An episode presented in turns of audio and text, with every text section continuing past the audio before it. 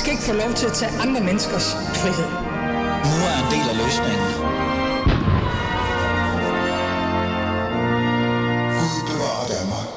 Ja, Gud bevarer Danmark. Det er blevet torsdag, og jeg er åbenbart blevet et par centimeter øh, kortere, tror jeg. Måske er det, fordi jeg er blive gammel og et eller andet. Jeg ved det virkelig ikke. Men det er i hvert fald torsdag, og øh, dermed tid til, jer sammen med de 40-20 røvere i form af tidligere politikere, politiske kommentatorer, øh, politisk kyndige, jeg ved det ikke, øh, kvinder, der sidder i velure, øh, sætter øh, fokus på øh, de vigtigste politiske overskrifter, eller, eller hvad nu end der er sket, og uddeler high fives eller tørre tæsk. Velkommen til Alis øh, Fæderland, og jeg er som altid Ali Amin Ali. Lad os komme i gang med ugens strabasser.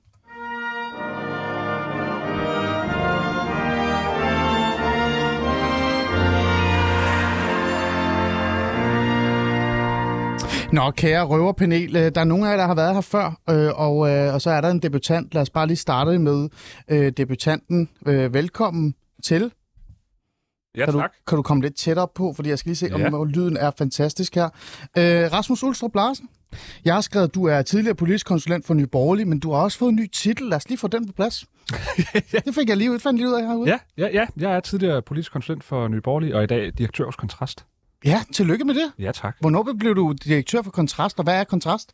Kontrast er et øh, borgerligt medie, øh, som laver alt fra podcast til video til debatindlæg, artikler, interviews, analyser. Okay, Alt det, som almindelige medier laver. så nu er du blevet leder. Ja, Skønt. Har du fyret nogen endnu? Det er jo dårligt. ja det har jeg faktisk. Det var da forfærdeligt. Ja, det var en god start på, på det nye job. Okay. Jamen, øh, jamen, tillykke med det. Også øh, fyringen, åbenbart. Og, og tak, fordi du vil være med i øh, panelet. Så har jeg to andre, som jeg normalt også har i ny og næ. Lotte Folke Korsholm, debatchef og alt muligt andet. Hvad var det egentlig din titel? Hvad kom vi frem til, du gerne ville Det hedde? er vi enige om, at jeg skulle hedde chefernes chef. Chefernes chef. Det er lidt ked af, at du har glemt. Det var El Jefe del Jefes, ja, eller sådan noget. Ja, ja, det er rigtigt. Øh, og så er du jo, du er tilknyttet politikken, det er jo det, og så er du tidligere øh, vært på Deadline. Korrekt. Det program, jeg stadig ikke har set, Som du aldrig ser. som jeg aldrig ser. Nej, dumme, dumme Nej. deadline. Jeg ser clips fra det, og så Ja. griner jeg af eliten, og så sletter jeg det igen fra min hukommelse. Sådan. Og så har jeg selvfølgelig Esben Schøring, politisk redaktør for Altinget, øh, politisk chef og øh, et eller andet sted vismand for mig. Fordi hvis jeg nogensinde skal vide, eller hvis jeg gerne vil vide, hvad der sker i det politiske verden, miljø, så læser jeg noget, Esben har skrevet, og så går jeg i seng og græder, fordi han plejer som regel at have ret. I tre, I skal være med til at hjælpe mig med at sætte lidt fokus på, hvad der er sket i den her uge, og øh, jeg skal også hjælpe jer, fordi jeg har selvfølgelig taget tema med. Det er det, vi altid gør i det her røverpanel. Men vi starter jo som regel med, at jeg sådan bombastisk spørger jer, hvad så? Hvad har fyldt for jer? Lotte, jeg vil gerne starte med dig. Sidste gang var det jo noget med krig i Ukraine og, og det her store perspektiv. Og man kunne jo være fræk at sige, at det måske også noget, der burde fylde, fordi vi har vist rundet etårsdagen på en eller anden måde her for nylig. Men hvis vi lige lægger den øh, lidt til side, selvom vi nok ikke kan, øh, er der noget, du har været sur, vred, irriteret på, eller bare synes var fantastisk? Jamen, jeg synes, jeg sugede luften lidt ud af rummet sidst ved at sige noget, der var så stort og vigtigt, at jeg alle sammen fik dårlig samvittighed. Så øh, noget, jeg har tænkt meget over, men ikke fået hældt i avisen endnu, og måske skal det heller ikke det, det er, om man får tyndskid af at tage på charterferie i et militærdiktatur. Lige lidt. Undskyld. Hvad? Igen. Om man får tyndskid af at tage på charterferie Hvad i et mener du med det, Lotte? Frederik? Jeg kan ikke, jeg kan ikke deadline-sprog eller politiksprog. Please hjælp mig. Hvad, hvad, hvad, hvad er op og ned her? Har du ikke fulgt med i øh, ugens store emne på Instagram? Nej, Hvor nej, jeg holder mig væk fra Instagram. Kom med det. Vi- Også så vores ikke kan være med. Nej, Der er flere prominente danske influencer, som er, har været på charterferie øh, hen over nytår i Ægypten, Ah, og der har de fået tynd mave. følger du ikke influencerne på Instagram, Esben? nej. Nej. At det, altså, jeg, får, jeg, nu, altså, jeg tror, min chef også har været der. Altså, Simon Andersen. Øh, det ved tror jeg, du har ret i. Jeg synes, jeg så, Nynne skrev noget, men det lignede en vellykket tur, de havde. Ah, okay. Ja, okay. De var også influencer. Men, men hvad er det så, der... Hvor, altså, du siger, du nemmest har lyst til at skrive om det. Hvorfor har du lyst til at skrive om sådan Nej, en... men jeg synes, jeg går jo og... Ja, det er også måske det er derfor, det ikke er blevet til en tekst endnu, men, men der har været sådan en kæmpe udveksling af shitstorme, som har handlet om de her influencer, der på forskellige sådan nogle all-inclusive rejser øh, i Ægypten har haft en virkelig slem oplevelse og blevet syg hele familien. Ja. Og så har der været noget med, hvis rejsebyrås øh, skyld det var, ikke? Hmm. Øh, og øh, de det ender alt. Det har været i aftenshowet, og altså, det er i gang med hele den der mediecyklus. Mm.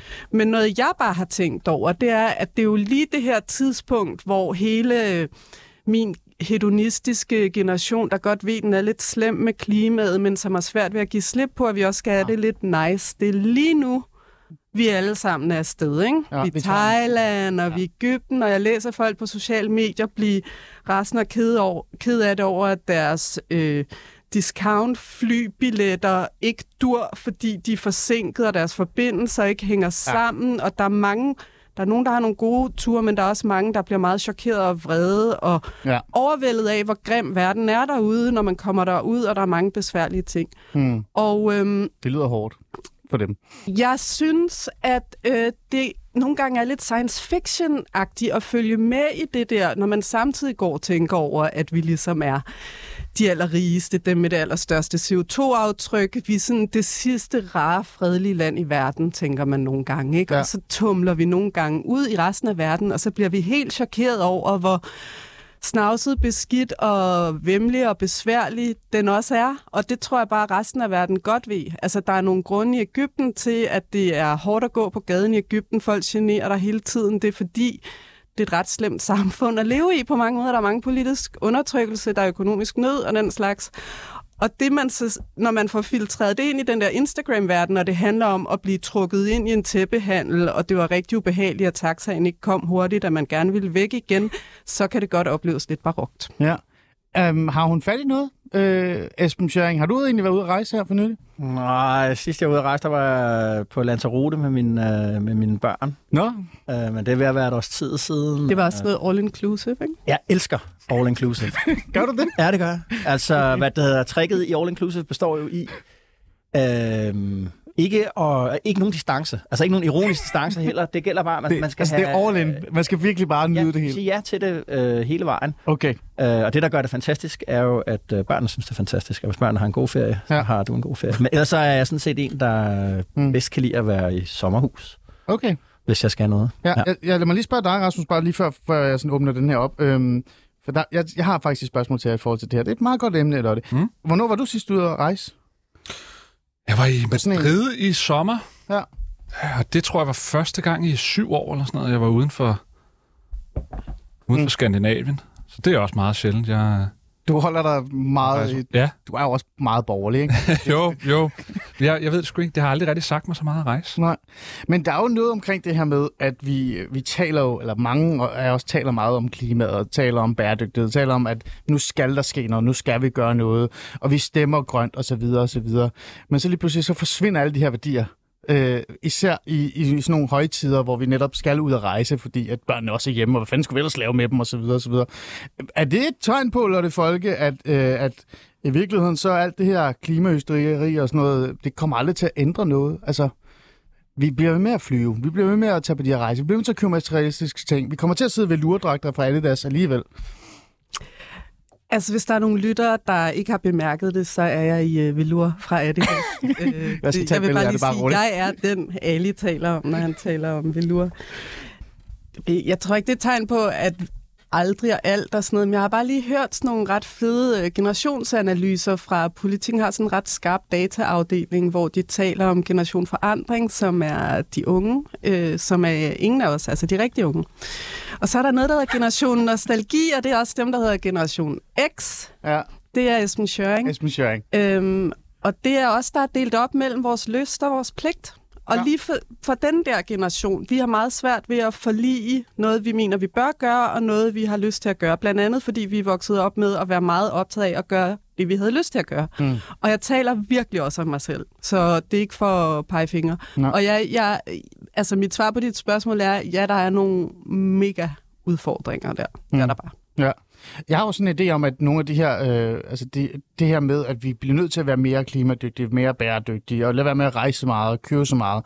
Jeg har skrevet et par klummer om det her det seneste stykke tid, for det har virkelig optaget mig. Jeg føler jo nærmest, at vi er blevet sådan lidt lemminger af, af, som sådan lytter til de her store virksomheder, som har solgt os den her idé om, at materialisme er rigtig god. Det er også lidt borgerlighedens skyld i virkeligheden, øh, Rasmus, det vil jeg gerne pege på dig at sige. Øh, øh, øh, men jeg har sådan en idé om, Esben Schøring, at nu når der kommer, nu når der er inflation, der er rentestigning, der er krig osv., osv., at vi bliver tvunget til at stoppe med at være så egocentreret og så materielt øh, besatte, og på den måde måske øh, kigger lidt indad og, og stopper med at og, og, og, ja, øh, ødelægge alt.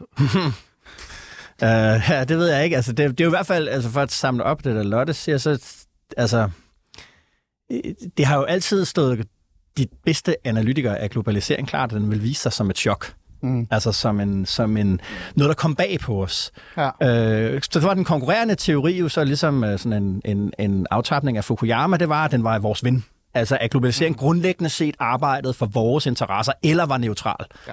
Så det gjorde ikke noget, at man lukkede Kina ind i verdenshandlen, fordi øh, enten ville Kina blive demo- demo- et liberalt demokrati, eller også så ville det e-, egentlig ikke rigtig gøre noget. Mm. Øh, og, og, og det, der så er sket, det er i de sidste 3-4 år, der synes jeg, at, at den politiske, og måske også den forretningsmæssige elite, har fået sådan et globaliseringschok, alle andre fik øh, for 20 år siden og 25 år siden. Mm. Altså det der med hov, det er, at vi bliver udsatte, det er risikoudsatte, vi bliver trængte, vi bliver presset. Men Frederiksen nytårstal var sådan set det bedste eksempel på det. Hun sad så meget kort og oprullet det der chok, mm. som, som så, så lige nu sådan i beslutningskredse, Silmar-rapport i Bruxelles, hvad det nu måtte være, der er der den der stemning af, åh, oh, oh, vi satsede på, at globalisering var øh, vores ven, og vi har indrettet hele vores samfund på det, øh, forsyningskæder, øh, ja. just-in-time delivery, vi havde ikke brug for at investere i forsvaret ja. og alt sådan noget. Ja. Og lige pludselig opdager man, at det har gjort, at vi har risikoudset os selv helt vildt. Mm. Og derfor så er der sådan lidt en, sådan en stemning af panik, som så ligesom kan, kan spejle sig lidt i, at folk har, har, så har fået dårlig mave på, på sådan en, et, et resort i, i, i, Ægypten.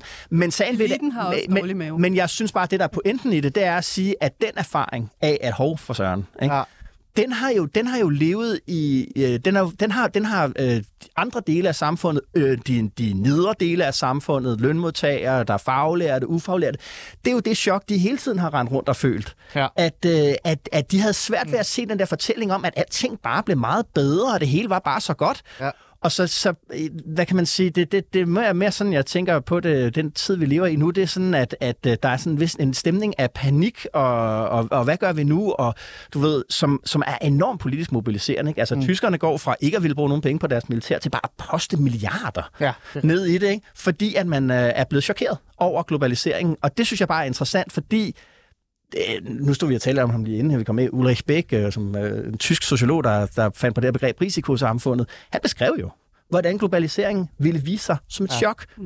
Men af en eller anden grund, så glemte øh, de etablerede magthavere, ligesom, at det var sådan, det ville ske. Nej, ja. de talte jo altid om det som, at det var rigtig synd for de stakkels øh, masser, at de blev så chokeret over det. Altså som sådan Ja, de skulle som lære og, ja. og omfavne det mere. Ikke? Altså, everybody wins in the end. Og Jamen, det var fordi, de ja. kunne navigere i det, ikke? Og så de havde ikke netværket til det, og det skulle man Præcis. hjælpe dem med og sådan nogle ja. ting. Øh, Rasmus, hvad tænker du? Altså, det lyder jo meget pessimistisk, det hele, øh, virkeligheden.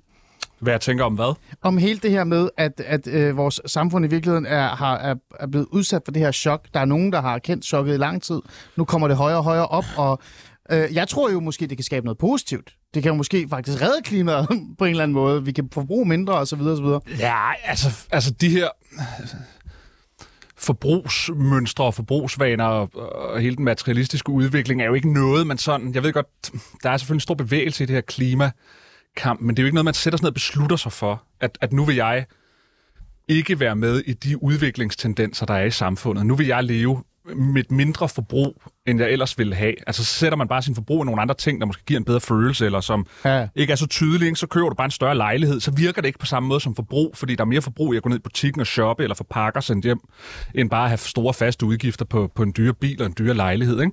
Forbruget vil altid, altså, altså vi bruger det, vi har. Mm. Altså, det, det, ja. selvfølgelig gør vi men når det. Vi har mindre, op til at bruge det. Men når vi har mindre og bliver nødt til ja, at bruge ja, det på... bruger vi jo mindre. Ja. Men, men jeg ved ikke om... Hele det her klimaspørgsmål her er for, hvis vi ser bort fra den videnskabelige del af det, men sådan den politiske mobiliseringseffekt, det har, knytter sig til langt andre spørgsmål end et reelt klimaspørgsmål. Det knytter sig til en til en, en, en, et forsøg på at genfortrylle en verden, der har været grænseløs hvor du har kunnet gøre, hvad du ville, uden konsekvenser. Og det har været meget sådan hele den her hvad kan man sige, nu snakker vi om, det er kommet som et chok, de her ting her, som jo også ligger i forlængelse af den liberale verdensorden, særligt efter Sovjetunionens fald, mm. hvor man ligesom har været, vi kan udvikle os konstant, og det vil alt sammen blive bedre.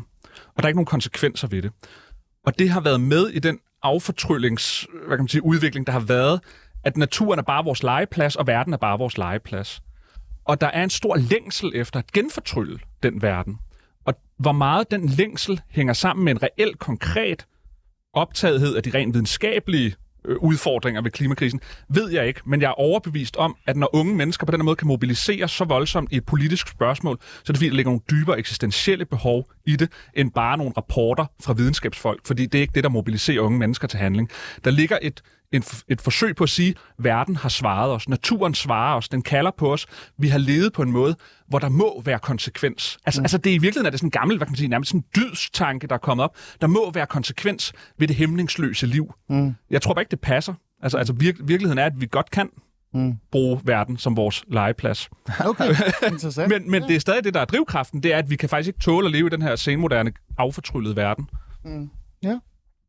Lotte? Bare det synes jeg var en super fed analyse. Jeg tror ikke, jeg kan tilføje noget. Nej, okay.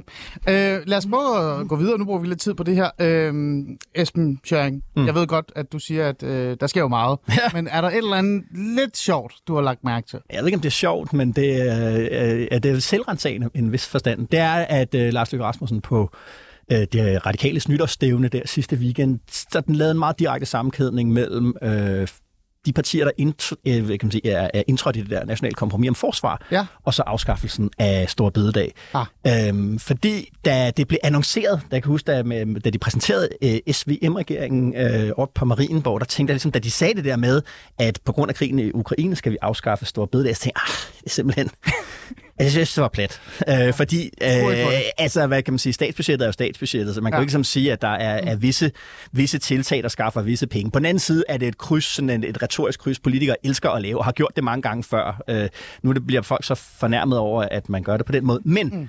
det, jeg ikke så, og det, som man skulle have set, og det, jeg ærger mig over, det er jo selvfølgelig, at der lå en latent trussel ja. mod de partier, altså, øh, øh hvad det hedder, der ikke er med i regeringen, men som er med i det nationale kompromis, ved at lave det kryds det er at sige, hvis vi fremrykker forsvarsforledet, øh, ja. så, så skal man være, så, så, så skal K og SF, det er dem, der ikke er med i regeringen, ja. men som er med i National Kompromis, de er nødt til at bide til bolle på den der, for altså, det, altså, de bliver presset på det. Vil I stadig være med i forliget?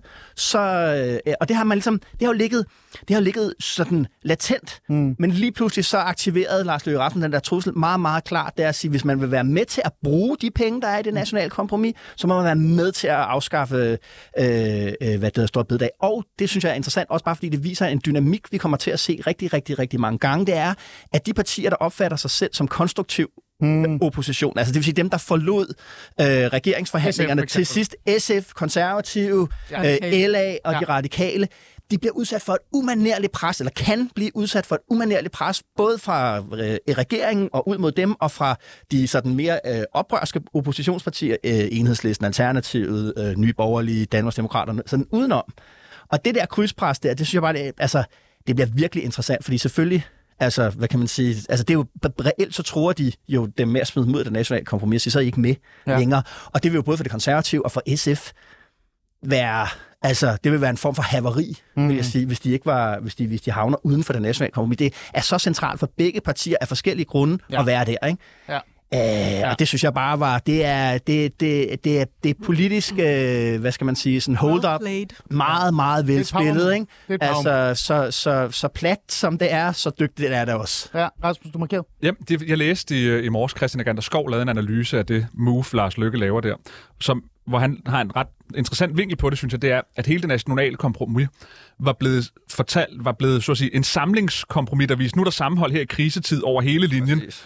Og det Lars Lykke, han laver med det her move her, det er at sige, nu handler det ikke om, at vi skal samles om at løse kriserne. Nu handler det om opbrud. Altså Lars Lykkes move vil ødelægge mm. sammenholdet i Danmark. Tror du det? Så Tror det du politi- det? Nej, nej, nej, det, er den, det er den retning, han går ind på her. Ah. Altså, altså før var fortællingen, det danske folkestyre, og Mette Frederiksen har turneret med det, det danske folkestyre er kendetegnet ved konsensusdemokrati. Ikke? Hun ja. elsker de der ting der, ikke? Og så kommer Lars Løkke og siger bare, hvis ikke I ved det her, vi vil, så kan I alle sammen smutte fra det, der har været vores store salgspunkt, som det store samlingsaftale, mm. der har ja. været i, i, i nyere tid. Det synes ja. jeg bare er ret interessant. Og Rasmus, det der, jeg har ikke læst det Gander, men det afslører jo, hvor stor et retorisk knep det der samling mm. på midten hele vejen igennem Præcis. har været. Altså, hvor meget det har været en måde at holde alle de der fløje ude og sige, at I er ikke egnet til at regere. Ja. ja. Ja, men det er men kan det ikke også, nu kommer jeg bare med sådan en lidt klassisk, øh, kan det ikke også bare være øh, en form for at vise, at, at man godt kan tro de her partier? Altså det der med Ja, ja. ideen om, at vi er en midterregering, øh, og vi kommer til at tro alle, hvis I ikke er enige i øh, vores idéer og vores Det er, det er jo konsekvensen Det er ikke, konkret ikke alene af, at du har en midterregering, men du har en flertalsregering. Præcis. Fordi det er det, flertalsregeringer kan, det der. Det er, at de, vi har, det er et fedt accompli. Ja. Altså en, en, en, færdiggjort deal, som du kan komme ind, og så kan du tilføje et komma, ja. eller få lov til at skrive et ekstra ord. Og det, og det, og det går særlig hårdt ud over øh, de partier, som ligesom tænker, jamen vi vil gerne være samarbejdende, men mm. vi vil ikke være helt med inde. Der vil det der med at sige, det går ikke. I, vi binder jer fuldt og helt til ansvaret, fuldt og helt til skylden for mm. det her. Og enten så kan I ligesom have regnet det ud på forhånd, inden SF og Konservativ godt tænke, okay, vi skal lige passe på med, hvor hårdt vi går ud på den der med store bededag, fordi den kan ryge lige tilbage i nakken på os. Der, der, der kan man sige, der pressede de den så langt, kan man sige, at Lars Lykke til sidst var nødt til at, ligesom at tage det der i et politigreb. Mm. Øh, og, øh, og det bliver bare interessant at se, hvad det kommer til at betyde for, for, for det politiske liv, hvis den der bliver spillet ud rigtig, rigtig mange gange. Altså vil vi få sådan en meget, meget vred opposition, mm. som er sur over at blive, øh, blive, øh, blive taget i politigreb i ny og næ, Ja. øh, eller, eller vil det betyde ligesom, at de konservative partier, øh, oppositionspartier tænker, okay, men altså, så, så må vi også tage, tage de slag, der, der kommer. Det bliver meget spændende at følge. Men det, det, det, er Ja. vildt, det er vildt, at det stor bededag. At den, altså det at afskaffe stor bededag, som er det, hvor man går ind og siger, at det nationale kompromis render hop, hvis ikke vi får lov at afskaffe stor bededag, som danskerne ikke vil have, vi skal afskaffe. Altså, things. Ja, men, men det er noget andet, fordi det, det er noget andet, der sætter sig igennem, fordi bag ved afskaffelsen af Store Ja. Bededag, der, der gemmer konkurrencestaten sig. Altså ideen om er det konstante øh, øh, mobilisering ja. til arbejde, også af dem, der allerede arbejder, det synes jeg er vigtigt at få med. Og det er bare den jernnæve der, det har jo hele tiden været spørgsmålet med Mette Frederiksens regering. Hvor, hvor meget konkurrencestat var der? Vil- Var det et opgør? Var der hvad? Her er det bare sådan, det, det her det er konkurrencestaten, der siger, hvis I ikke vil være med på arbejdsudbud, det er bare billetten for at være med i dansk politik, og det er en illusion, som øh, rigtig mange, inklusiv indimellem også Socialdemokratiet, har været med til at opretholde. Det er, at ah, nej, der er også en anden måde at lave politik på, som ikke er konkurrencestat. Mm. No way. Mm. Jeg skal lige have en, en, et lille input fra dig, Lotte Folk, før vi går videre, fordi du sagde til mig lige før vi gik i gang, øh, da jeg nævnte ordet Stor Bededag, så sagde du, åh oh, gud, jeg får så mange indlæg om Stor Bededag. Nu har vi hørt det, det politiske spil, ikke? det her power move, som reelt set er fra regeringen og Lars Lykke, men danskerne er også optaget det her. Det må man virkelig sige. Er du så færdig? Altså, når man sidder på politikens debatredaktion, hvor det bare vælter ind, så er man ikke i tvivl om, at det fylder simpelthen så meget for folk. Og på den måde er det jo også perfekt set, det der. Vi jokede på debatredaktionen med, om det også er lidt gaslighting nærmest, ikke? Fordi alle... Hvad er det nu, det der gaslighting? Jamen, det har jeg også været i tvivl om, ikke? Men som jeg forstår det, og her må lytterne lige korrigere, ikke? Og vores er det jo- lyttere ved ikke, hvad sådan noget er, men du må godt komme med det. så er det jo, når du øh, præsenterer en bestemt virkelighed så intensivt, at du, Esben, kommer i tvivl om, om du har forstået virkeligheden anderledes, når du tror, den er anderledes. Så når du sådan står bededag, whatever, eller Rasmus er sådan, så når alle taler om den, så kommer I i tvivl om, om I har styr på, hvad der er vigtigt her i verden, og hvad der ikke er vigtigt. Altså det, som vi i gamle dage kaldte diskursiv vold. Mm, ja, det lyder måske rigtigt, det har jeg ikke noget at sige. Men i Ej, hvert fald, ja, ja, så Esben. er der, har det i hvert fald det i sig, som man altid observerer, når man betragter den offentlige debat, som er, at der er nogle bestemte emner, som er egnet til at suge folks opmærksomhed til sig. Ah.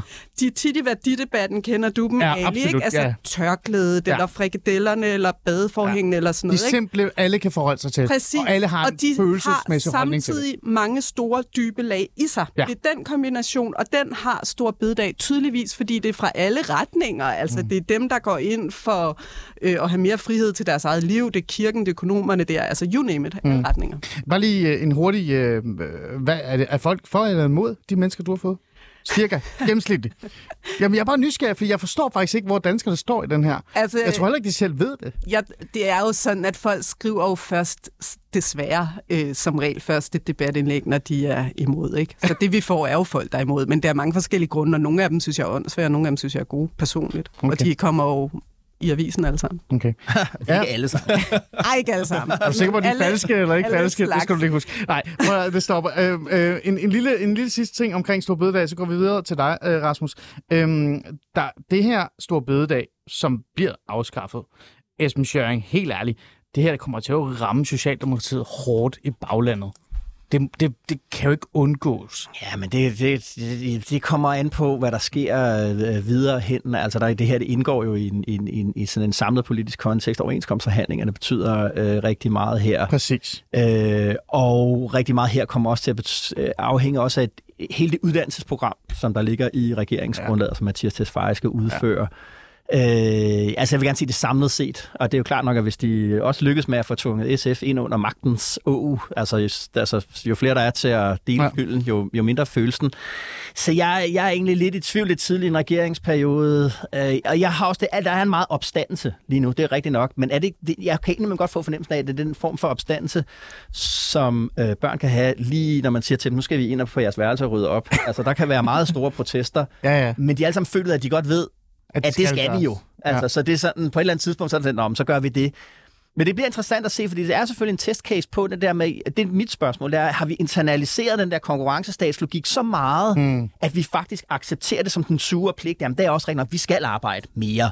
Og så er det siger sådan lidt, jamen det er vi ked af, og så har vi brokket os, og så er det det, der har været protesten i det. Men spørgsmålet er, om det mobiliserer vælgere ud til enhedslisten, til ja, vi går jo frem, SF går frem, enhedslisten går frem. Det havde ja. vi også forudset, det havde du også sagt, det havde jeg også sagt. Øh, øh, Rasmus? Ja, jamen, det er bare i forhold til det, øh, Esben siger her. Det er, at jeg synes også, der er noget interessant ved, at at vi har igennem de seneste, I don't know, 10 år måske, været meget optaget af det her med, hvordan kan vi arbejde mere effektivt, så vi skal arbejde mindre? Hvordan kan vi få fire dages arbejdsuge i kommunerne? Og der har været meget sådan noget med, den der tid med, at man skal gå i jakkesæt og knokle fra morgen til sen aften, den er ligesom slut, ikke? Det, det er et tegn på åndløshed og dum prioritering af tilværelsen. Og, og, og det tror jeg altså også hænger sammen med den her sådan øh, øh, øh vrede over afskaffelsen af Stor Bededag, fordi det er et skridt på vej i en anden retning, og danskerne er nu engang sådan, ligesom vi godt vil have skattelettelser, men vi vil også have verdens bedste offentlige sektor, så vil vi også gerne have et stærkt forsvar, men vi vil heller ikke arbejde ekstra for det. Og sådan er danskerne, vi vil jo både blæse og have mel i munden på samme tid. Men jeg tror virkelig, at det, det, det er faldet ned i en tendens, hvor det går den anden vej. Vi skal arbejde mindre, fordi livet går ud på andet end at knokle og arbejde. Og derfor tror jeg, den kan være farlig at smide ind, selvom det er reelt lige ligegyldigt, om vi arbejder en dag mere eller ej. Men det er selve signalet i, at den her regering vil have os til at arbejde noget mere, når alle mennesker er ved at indstille sig på, sådan rent, hvad kan man sige, eksistentielt, at livet går ud på at arbejde mindre og være mere sammen med sin familie og alle de andre ting, mm. vi kan lide. Ja, det er du måske nok ret i. Rasmus, er der noget, du har lagt mig til her kort, før vi går videre? Eller er du øh, bare optaget af din egen øh, position som direktør nu? Og, og, og hvilken bil skulle du købe? Jeg går kun og tænker på mig selv hele dagen. Ja. Ja. Nej, jeg havde faktisk... Vi havde ikke koordineret emner på forhånd, så jeg var faktisk også selv ude i Stor Bededag. Ja. Men, øh, men, men, øh, okay, vil du være så lad den lægge, så lad os gå videre til det emne, som jeg også tror, du har været optaget. Skal vi gøre det? Jo. Det er godt.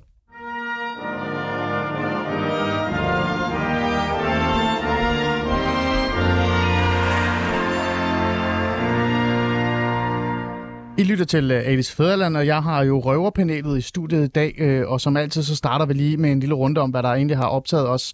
Øh, Lotte Folke vil rigtig gerne ud at rejse, lyder det til, men, men hun vil også gerne redde klimaet, så, så det var det, vi talte en lille smule om. Og så talte vi selvfølgelig også om Stor, øh, eller stor Bededag, som Esben Schøring havde en god øh, lille analyse af det hele, i forhold til, hvad det egentlig betyder og ikke betyder.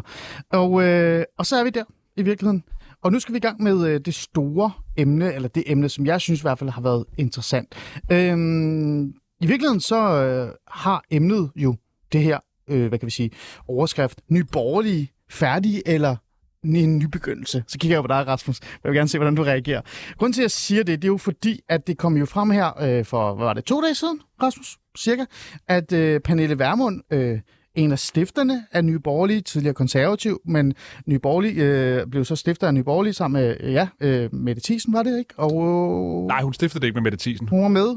Med Peter Sejer. Ja, Peter Sejer. Det kommer tilbage til det der med Mette Thiesen og hendes rolle i virkeligheden også. Men, men øh, hun, var jo, øh, hun har været partiformand, men hun trækker sig nu, eller har i hvert fald tænkt sig at trække sig. Og dermed så betyder det jo, at øh, Pernille Vermund træder til side, og der kommer et formandsopgør. Og det er jo øh, temmelig stort må man sige, når man tænker på det her parti, fordi hun var jo nærmest nyborgerlig, kan man godt på en eller anden måde fræk sige. Hvad betyder det så for Nye Borgerlige, og hvorfor er det egentlig, hun overhovedet øh, trækker sig? Det vil jeg gerne lige bruge den næste halve time på, øh, og i hvert fald tale med jer, eller hvor lang nu tid vi bruger på det. Jeg vil gerne lige starte øh, med øh, noget, der skete i morges eller i går, fordi vores politiske redaktør her på kanalen, Alexander Vils Lorentzen, han talte faktisk tidligere øh, i dag, eller, eller i går var det, med Pernille Vermund. Lad os lige prøve at lige høre, hvad det var, hun sagde. Jeg kan tror bare, jeg kan trykke på den her knap, så behøver jeg ikke at sætte noget på, og så kan vi alle sammen bare lytte med. Jeg trykker her. beslutningen om, at formandsskiftet skulle ske nu, er en beslutning, som er, øh, ja, er relativt ny, og det er jo nogle overvejelser, jeg har gjort mig i forhold til, øh, hvad, altså, hvad er bedst for Nye Borgerlige? Hvordan står vi stærkest? Øh, hvordan sikrer jeg, at, øh, at Nye Borgerlige kommer bedst gennem denne her valgperiode, men også sikrer et, et godt valg ved, øh, det valg, der kommer på et eller andet tidspunkt, når, når den her lidt mærkelige konstellation af en regering øh, forhåbentlig falder. Men vil du ikke prøve at tage mig med ind i dit hoved? Hvornår er det, du helt konkret, øh, Værmund, øh, får den åbenbaring, det skal være nu? Altså, hvad, hvad, hvad er det, der, der trigger dig den aften, den morgen, den formiddag? Hvad er det, der sker der?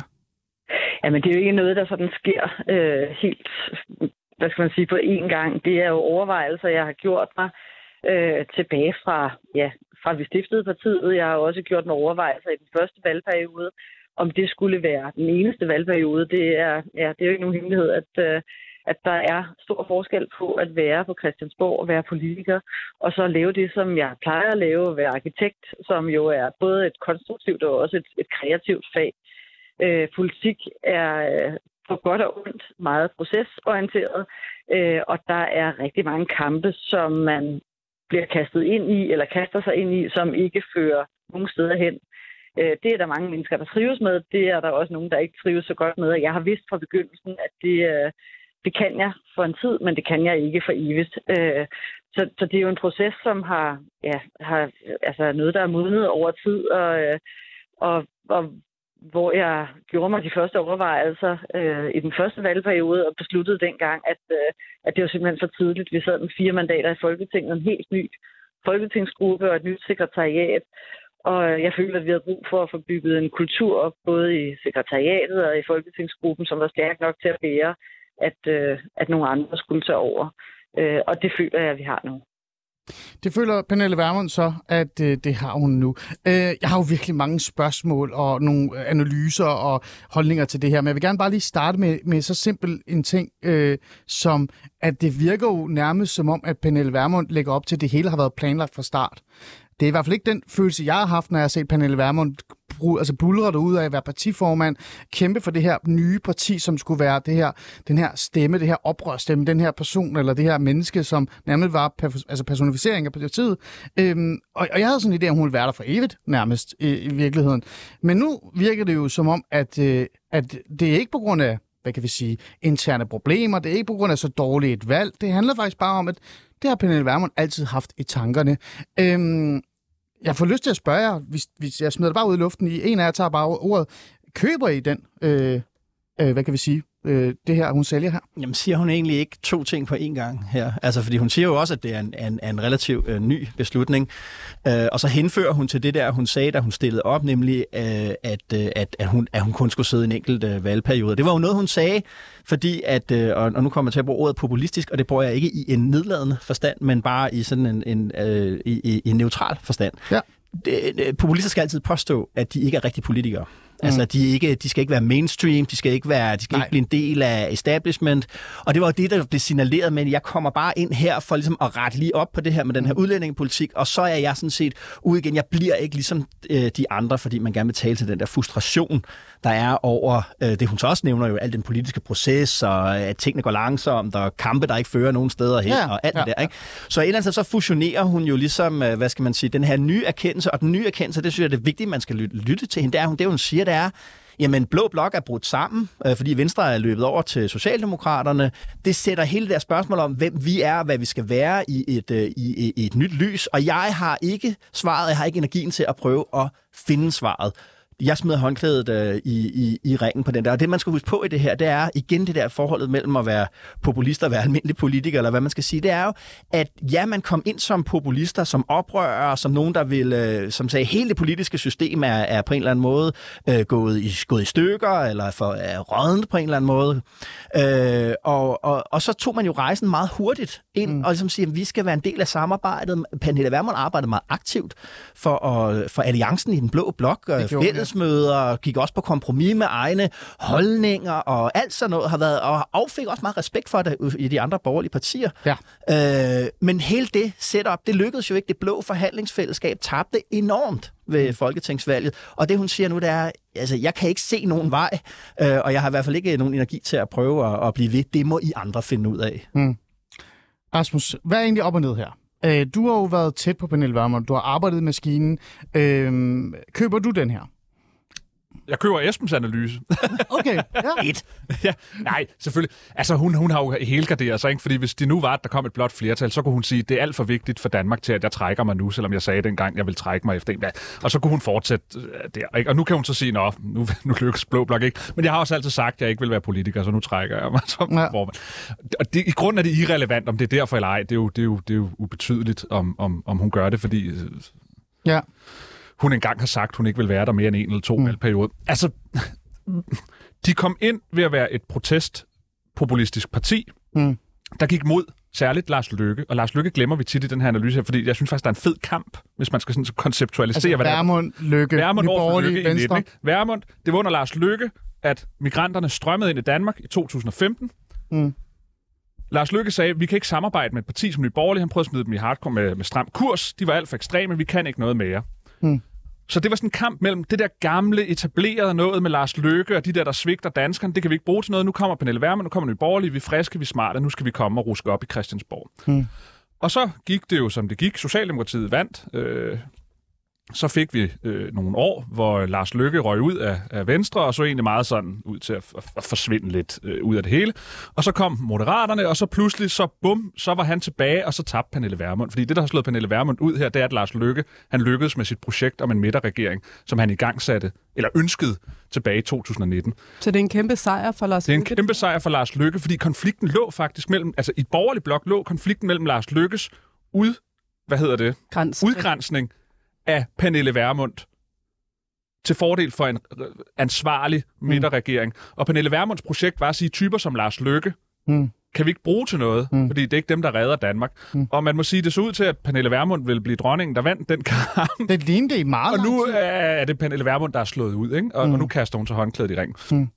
Men altså, de, hun gjorde jo, hvad hun kunne i den forstand, at Nye Borgerlige, hun var, jo for, hun var jo for kvik til at tro, at det ville gavne noget, bare at sidde og råbe Mm. hele tiden. Så hun lavede jo den strategi, at de kom ind med deres protester og deres populisme, og så ville de gerne, som Esben siger, så ville Nye Borgerlige faktisk gerne gøre en forskel. De ville faktisk gerne tage det alvorligt, være konstruktiv, samle blå blok.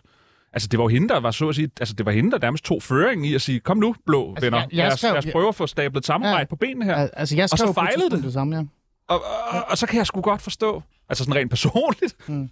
Puh her, ikke? Ja. Så kan man med se frem til at være et fuldstændig ligegyldigt parti, der endda kun gik de der 1,2 procent frem, eller sådan Ja. noget til valg, ikke? hvor de har ligget, altså da jeg var der, lå det, ikke fordi jeg var der, men, det, men jeg kan huske, med dig huske altså, hvor det, hvor det var op på 10 procent, ikke? Ja. Altså tredje største parti i nogle af meningsmålene Ja. ja. Christiansborg. Øhm, øh, Lotte Folke, øh, hun har også sagt, at det, det bliver svært, og, og, altså på en eller anden måde, eller hun har i hvert fald lagt op til, at den her højrefløj, som hun altså, repræsenteret, den også nærmest øh, er færdig nu på en måde. Det får jo meget til lyst til at spørge, fordi vi, øh, der har jo været rigtig meget fokus på Pernille Vermund, øh, og det skal der også være. Men, men er Nye Borgerlige også færdig nu? Ikke nødvendigvis, men jeg tror, at Nye Borgerlige skal være noget andet, og det synes jeg, Nye Borgerlige, det har vi også, eller I også været inde på, var allerede i gang med at blive noget andet, ikke? Og det mener jeg da også var på grund af en indre uklarhed i forhold til, hvad Nye Borgerlige overhovedet var. Og den rejse tog, altså jeg, jeg kan særligt huske øh, en podcast med øh, Jørgen B. Olsen og Brian Weikart, der prøver at få svar på, om, det er, om de der tre ultimative krav er ja. ultimative, ikke? Og det var det øjeblik, hvor jeg tænkte, okay, det her parti Hmm. er enten uenig med sig selv, eller i gang med at blive til noget andet end det, jeg troede, det var. ikke. Så der er en mega uklarhed i Nye Borgerlige, og det her kan måske føre til en afklaring af, hvilken af, af delene det skal være. Ikke? Ja. Øh, så, så det mener jeg sådan set kan, kan gå begge veje. Jeg mener også, at den uklarhed er udtryk for, eller uklarhed, altså der er jo nogle indre strukturelle selvmodsigelser i Blå Blok, som også ramte Blå Blok ved det her valg. Hmm. Som handler om, at der er nogle modsætninger, som går tværs midt ned gennem partierne. Hvad, hvad er det for nogle modsætninger, bare så vores Jamen, det er jo, at det nationalkonservative og det liberale i meget høj grad er kommet til at stå i modsætning til ja. hinanden i den verden, vi er af i dag. Hmm. Og der er et meget, hvad skal man sige, solidt national konservativt argument, for eksempel formuleret Christian Egander Skov, som handler om, at den borgerlige blok skal have svar på, hvad fællesskabet er, og hvordan fællesskabet er vigtigt. Og det er en anden tænkning end den liberale tænkning, som ser individet som det afgørende. Hmm. Og i mange år var det ikke noget, der fik Blå Blok til at sprænge det, selvom det altid har levet midt ned gennem Venstre og mm. alle mulige partier. Det gør det nu, fordi det er blevet vigtigt, og der ser jeg også nyborgerlige som et offer for noget, der også er et strukturelt problem andre steder i den blå blok, som måske ikke findes mere. Esben? Ja, men jeg vil, jeg vil tage fat i noget andet, nemlig det der med de tre ultimative krav, fordi og som Rasmus også sagde, så er det jo et parti, der der, der kom ind i Folketinget, sådan, hvad skal man sige, i kølvandet på, på, på, på flygtningekrisen, øh, sådan som den også viser her i Danmark. Og det er, at dansk udenrigspolitik, eller ikke udenrigspolitik, udlændingepolitik, er, hvad skal man sige, hegnet ind af to to principper, som godt kan være i spænding øh, til hinanden, men som er blevet bragt i overensstemmelse med hinanden. Og det er på den ene side, at vi skal holde de internationale konventioner, og at antallet betyder noget. Mm. De to ting skal fungere samtidig. Og det, ja. som øh, man kan sige, som Pernille Wermann, hun kom ind med, på en protest imod det der med konventionerne, øh, så skruede max op for, for antallet betød noget, og, og ville se stort på konventionerne. Og det, der blev tydeligt, er, at hvis du skal have indflydelse i Danmark og sidde med omkring bordet, så skal du anerkende det der med konventionerne. Og det var jo det, hvad man kan sige, det der, at, at, at altså, hvad, det var det, man skulle forholde sig til. Fordi håbet var jo selvfølgelig, Hmm. at man kunne have, at man kunne have fået flyttet Venstre over på en position, hvor man også vil gå imod øh, konventionerne. Vi kan se den samme uklarhed over hos Danmarksdemokraterne i dag. Hvad Ja. synes man egentlig om det der? Ikke? Ja, Ja. Inger Støjberg siger en ting, men så er der nogle andre, der siger lidt noget andet. Og hvis der er noget, den her regering er, SVM-regering, så er det cementeringen af de to ting øh, hører sammen. Antallet betyder noget, ja, men vi skal holde de internationale konventioner. Hvis du ikke kan sige, ligesom med forsvarsforledet, hvis du kan sige ja til det, så står du udenfor. Mm. Og der kan man ligesom sige, at, at, at, at, at man kan også se Pernille Vermund som anerkender, okay, det er fuld stop for, for, for, for nye borgerlige, øh, fordi vi kan ikke sige ja til det der med konventionerne, mm. også selvom vi gerne ville, hvis vi gerne vil have indflydelse. Øh, Rasmus, øh, nu er der jo nogle vurderinger, nogle analyser af det hele. En af dem, som også har været inde og komme med sådan en holdning til, hvordan det gik galt, det er Lars øh, Kåber. Jeg ved ikke, om du nåede at arbejde sammen med ham. Jo, jo, jo. Han Jo. var min chef under hele perioden. Ja, han var, på det tidspunkt var han også pressechef, ikke? Ja, det var han hele tiden. Ja, ja øh, det er tidligere pressechef for, for, nye, øh, for Nye Borgerlige. Han var også med i morges, og vores politiske redaktør, øh, hvad hedder det, Alexander Vis Lorentzen, spurgte os ham, sådan, hvad er der egentlig op og ned i det her, og, og den her udmelding, om det er dårlig timing eller ej. Lad mig lige prøve at sætte den i gang, så lad os lige høre på, hvad det var, han, han synes, der var op og ned i det hele. Jeg synes, det var dårlig timing. Det var simpelthen for tidligt. Altså, hun siger selv, at det jo gælder om at træde af i god tid, ikke? så en ny formand kan etablere sig i næste folketingsvalg, og det er jo også alt sammen rigtigt nok. Men tidligt, tidligt og alt for tidligt. Ikke? Altså, det, øh, jeg synes bestemt, hun skulle have ventet et, et halvt år, eller i hvert fald måske frem til næste års møde til at annoncere det, fordi at partiet er jo i midt i et vadested. Altså, der er ikke udarbejdet nogen ny strategi. Øh, man ved ikke, hvordan man skal positionere sig. Man øh, har ikke fundet ud af, hvad det er for nogle mennesker, man skal tale til, og hvordan man holder fast på dem, som man nu engang fik ved Folketingsvalget. Og det strategiske arbejde, øh, det mener jeg, hun burde have sat øh, bedre på skinner og mere i søen, inden at hun øh, smed takstokken. Fordi nu er alting kastet op i luften, og der er ingen, der ved, hvor det lander. Der er ingen, der ved, øh, hvor det lander. Øh, det er virkelig dårlig timing. Rasmus, øh, igen, du har jo arbejdet i partiet, du kender partiet indefra. Øh, er du enig med den her analyse? Ja, fuldstændig. Fuldstændig. Og altså, der er nogle ting, der er værd at bemærke her. Ikke?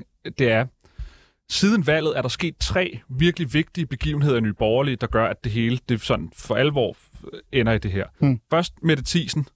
Det er mindre vigtigt end som så. Det var bare mere spektakulært sådan, fordi der Hmm. var alt muligt sådan med Men hun var stadig lidt af partiets, muligt hun var stadig lidt af partiets Ja, ja, ja, identitet det var, også, hun, ikke? det var hun ikke. Det der, de to smukke øh, kvinder, der var benhårde ja. på, på højrefløjen Ja. den, dengang. Ikke Pernille Vermund, og så den ene var lyshåret, den anden var mørk. Hele det der billede der, af, Ja. altså her kommer to smarte, unge, Ja. smukke kvinder med benhårde holdninger. Ja. Hun ryger. Så sker der det, at man fyrer ham, Lars Kåber, vi lige har hørt, Mm. mm. på baggrund af valgresultatet. Mm. Og det var for mig at se, jeg arbejdede der jo ikke, øh, da de fyrede ham, fordi jeg stoppede jo for, for et års tid siden. Og for mig at se, øh, meget, meget våget, og, og nok også en stor fejl, fordi, som han siger, at det er en, det er en forkert beslutning, Pernille har truffet nu. Mm. Og den beslutning, tror jeg, hun har truffet, fordi at der faktisk ikke er nogen derinde efter Lars Kåber, han ryger, der har styr på det parti. Fordi det var ham og Pernille Vermund, der styrede det parti. Ah. Og da han ryger, så går der hvad? En måned, så Mm. kaster Pernille håndklædet i ringen. Og det var en, en, en, en tror jeg, en, en, en stor fejl. Men hun har jo selv været med til at tage den beslutning omkring, at Lars Kåber skal ud. Ja, ja, ja, ja, det er jo en folketingsgruppe. Jeg, jeg ved jo ikke præcis, hvor, Nej, nej, hvem, nej, hvem, men- hvem der bestemmer mest i Nej. den, øh, i den beslutning. Det gør hun selvfølgelig nok. Men man, det er bare fordi, man skal forstå, at, at hende og Lars Kåber var dem, der kørte parløb helt tilbage fra, da partiet blev stiftet i 2015. Ah. Det var de to, og Peter Sejer selvfølgelig også, der ligesom sagde, alright, hvad går det her projekt ud på? Mm. Så ryger Lars Kåber, og så skal de i gang med at lave en ny strategi for, hvad er det projektet nu skal gå ud på. Mm.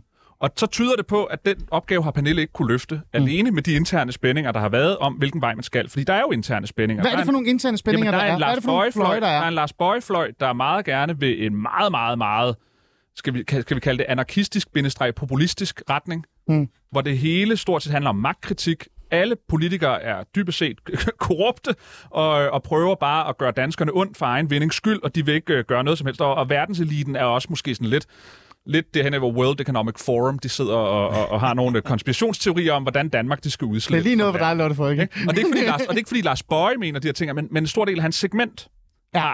de her tilbøjeligheder, fordi Ja. han fik et stor del af sit vælgerpopularitet, fik han under corona, hvor der rendte folk rundt med skilte, der sagde, at, at, at 5G giver influenza, for eksempel. Ikke? Og, og de var meget glade for Lars Bøje, Hmm. og, og støttede Ja. meget op om Ja. ham. Fik nogle små hundefløjt ind imellem os. Ja, ja.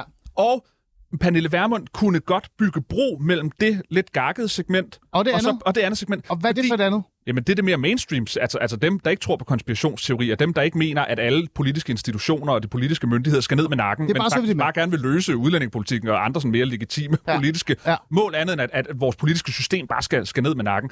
Pernille kunne bygge bro mellem de her to segmenter, fordi der var en tillid til, at Pernille ikke byggede sit politiske platform på baggrund af de her lidt mere gakkede mennesker, men at de bare var et tilhør.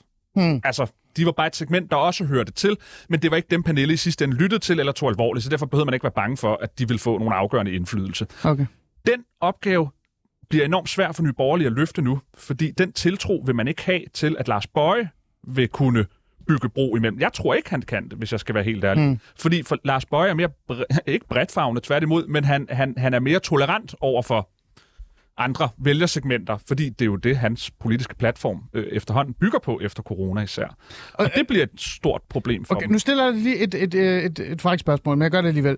Øh, Bliver det et mere gakket parti, hvis Lars Borg Mathisen bliver partiformand? Det bliver mere rendyrket på den ene eller den anden måde. Men gakket. Det er jo det, du ligger lidt Nej, op. nej, fordi jeg ved, altså Lars Bøje er i sig selv ikke gakket. Nej. Altså, altså, det er ikke det, jeg prøver at sige. Men, men det, der vil... Med Pernille betød en gakket vælger, og et gakket medlem ikke, at et normalt medlem eller en normal vælger valgte at træde væk. Mm. Med Lars Bøje, det vil være min tese, så vil for hver gakket medlem, der kommer ind, vil et, gak, vil et normalt medlem træde ud, fordi at de ikke længere har tilliden til, at det gakkede medlem bliver holdt i skak. Okay, altså, Altså- Jamen, jeg skal bare lige forstå det, jeg skal bare lige forstå det. Men, men det, er jo, det, er jo, det, er jo, det er jo så det er også det næste spørgsmål bliver, Esben Schøring, du har også skrevet om det i, i Altinget omkring, hvad bliver det så det næste træk for, for hvad hedder det, for Nye Borgerlige? Hvem bliver den næste partiformand? Og der er jo et magtspil i gang, som du nævner her. En af dem, som er blevet nævnt som potentiel mulighed for at blive partiformand, det er jo den helt unge folketingsmedlem, øh, medlem, øh, Mikkel Bjørn, øh, som er kommet ind. En, en stærk nationalkonservativ, meget øh, kantet, øh, og, og minder lidt om nogle af de der højrefløjs, øh, hvad kan vi sige, bølger, der er i andre lande i, i Europa også, som, jeg vil ikke sige, at Mikkel Bjørn er derhen af, men det, det er meget konservativt, kan vi sige. Ikke? Øh, er, er det det, der kan redde nye borgerlige i virkeligheden? Nej, altså hvad det hedder... Hmm. Altså jeg- lidt for at samle op på noget det der, Lotte også nævnte, det er, der er jo, altså, hvis man, der er jo brug for en eller anden form for mergers and acquisitions over på den, over den blå lejr. Altså der er simpelthen for mange partier. Øh, det gør, at øh, den interne kamp om, om, om, om de borgerlige vælgere bliver, bliver meget hård ikke? på nogle indimellem meget små forskelle. Ja. Øh, og det er et udtryk for, at de borgerlige partier, både de etablerede, men også de halvetablerede, er dårlige til at skabe indre koalitioner mellem forskellige fraktioner af et parti eller forskellige fløje i et parti. Så vil man hellere bryde ud og lave, og lave sit eget. Ikke? Inger Støjberg Ja, ja, er et, ja, er ja. et godt eksempel Ja. øh, på det. Ikke? Øhm, og, og den proces har det borgerlige Danmark været i i mange år efterhånden Mm. nu, synes jeg. Øh, altså det går helt tilbage til Ny Alliance, Liberal Alliance, at der var nogen, der sådan tænkte, okay, nu kan vi ikke være herinde Ja. ja. mere. Ikke? Men, men, Så, så jeg tror bare, jeg tror, jeg har svært ved at sige andet end, at at, at, at nye borgerlige indtræder i sådan en, en selv, selvdestruerende øh, proces nu, og, og om det lige betyder, at de ikke er i Folketinget øh, til næste valg, eller næste valg igen, det ved jeg ikke helt. Men det, det er, er svært at se. Ah, så det er slut? Ja, det, det, det slut, det, men, men sådan en, altså, ting slutter jo ikke fra det ene øjeblik til det andet. Nej, nej.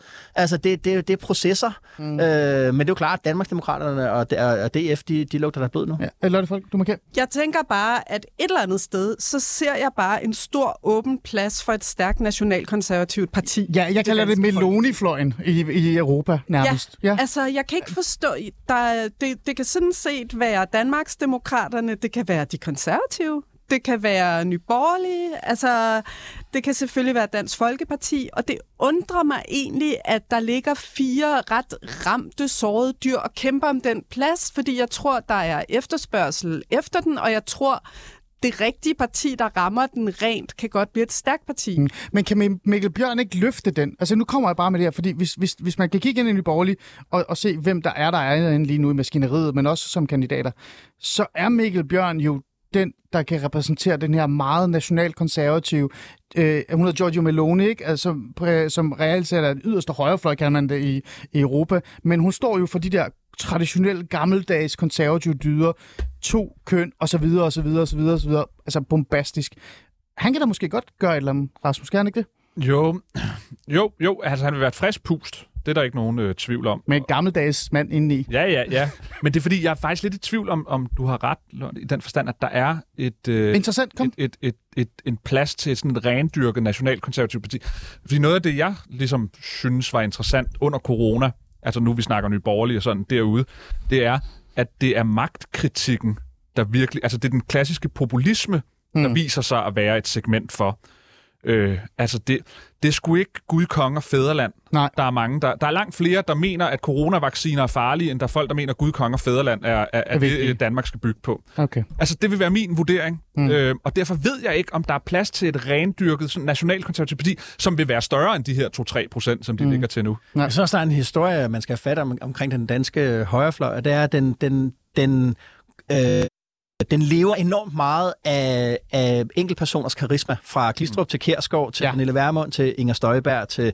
Og, og det, der er problemet med karisma, det er, at øh, karisma slides ned over tid, og det er ekstremt svært at, at give arv. Det vil sige, at det er svært at etablere et, et parti, så det, der ligesom over tid, over 10 år efter 10 år efter 10 år, ligesom kan inkarnere du kalder det nationalkonservative, men det har det, det, altså populismen lever af den vitale leder. Det er jo også det, du ser i Italien. Så er det Salvini, så er det Meloni, så er det, du ved, og i gamle dage var det, var det Lega Nord. Og, altså, det, det, det, har, det, det, det, er, det er en bevægelse, en, en, en, noget, der lever i befolkningen, som jeg opfatter som et reaktivt fænomen.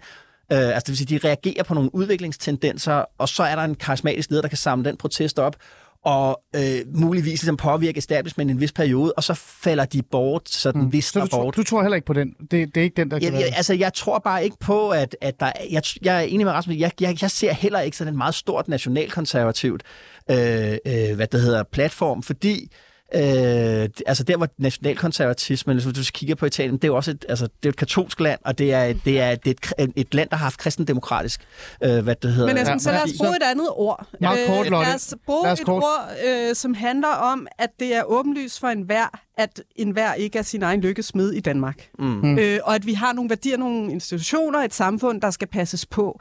Jeg kan ikke forstå, at der ikke findes et bedre sprog for det i den borgerlige blok. Ja, men det er, altså, men det er fordi, at de institutioner, vi har, er socialdemokratiske. Så, så det, derfor så er det ligesom, det er jo derfor, det er forbundet med en form for protest samtidig. Altså det kan godt være, at man vil bakke op om kirken eller et eller andet andet, hvis, der ikke, hvis, hvis vi ikke havde en velfærdsstat. Men altså det er jo lidt... Ja, ja, ja. Ja, det er fordi Socialdemokratiet sejrer konstant, ikke? Det er jo, derfor. Det er det. Mette forever. Åh, oh, Gud. Nå, øh, hvad der sker med Nye Borgerlige, det ved vi jo ikke. Det må vi jo se på. Øh, det virker som om, at vores analyse er, at det, it's the end, Rasmus Ulstrup. Øh, meget, meget kort. Du har tre sekunder. Øh, er, er det the end? Ja, men jeg tror ikke, det er the end lige nu. Nej. Altså, der kan sagtens gå en valgperiode eller to. Eller, eller men så er det også... Øh... Så snart det begynder at være sådan, at det går endnu mere ned ad bakke, og folk begynder at se, at det her det holder ikke, så begynder der at komme mytteri, og så begynder det først at gå ned ad bakke, og så begynder medierne at køre efter dem. Men så snart det her det falder til ro, så kan de godt leve rundt med 2-3 procent i lang tid. Det var ordene fra Rasmus Ulstrup. Øh, Larsen, tak fordi du var med. Lotte Folke, tusind tak fordi du var med. Esben Schøring, en fornøjelse som altid.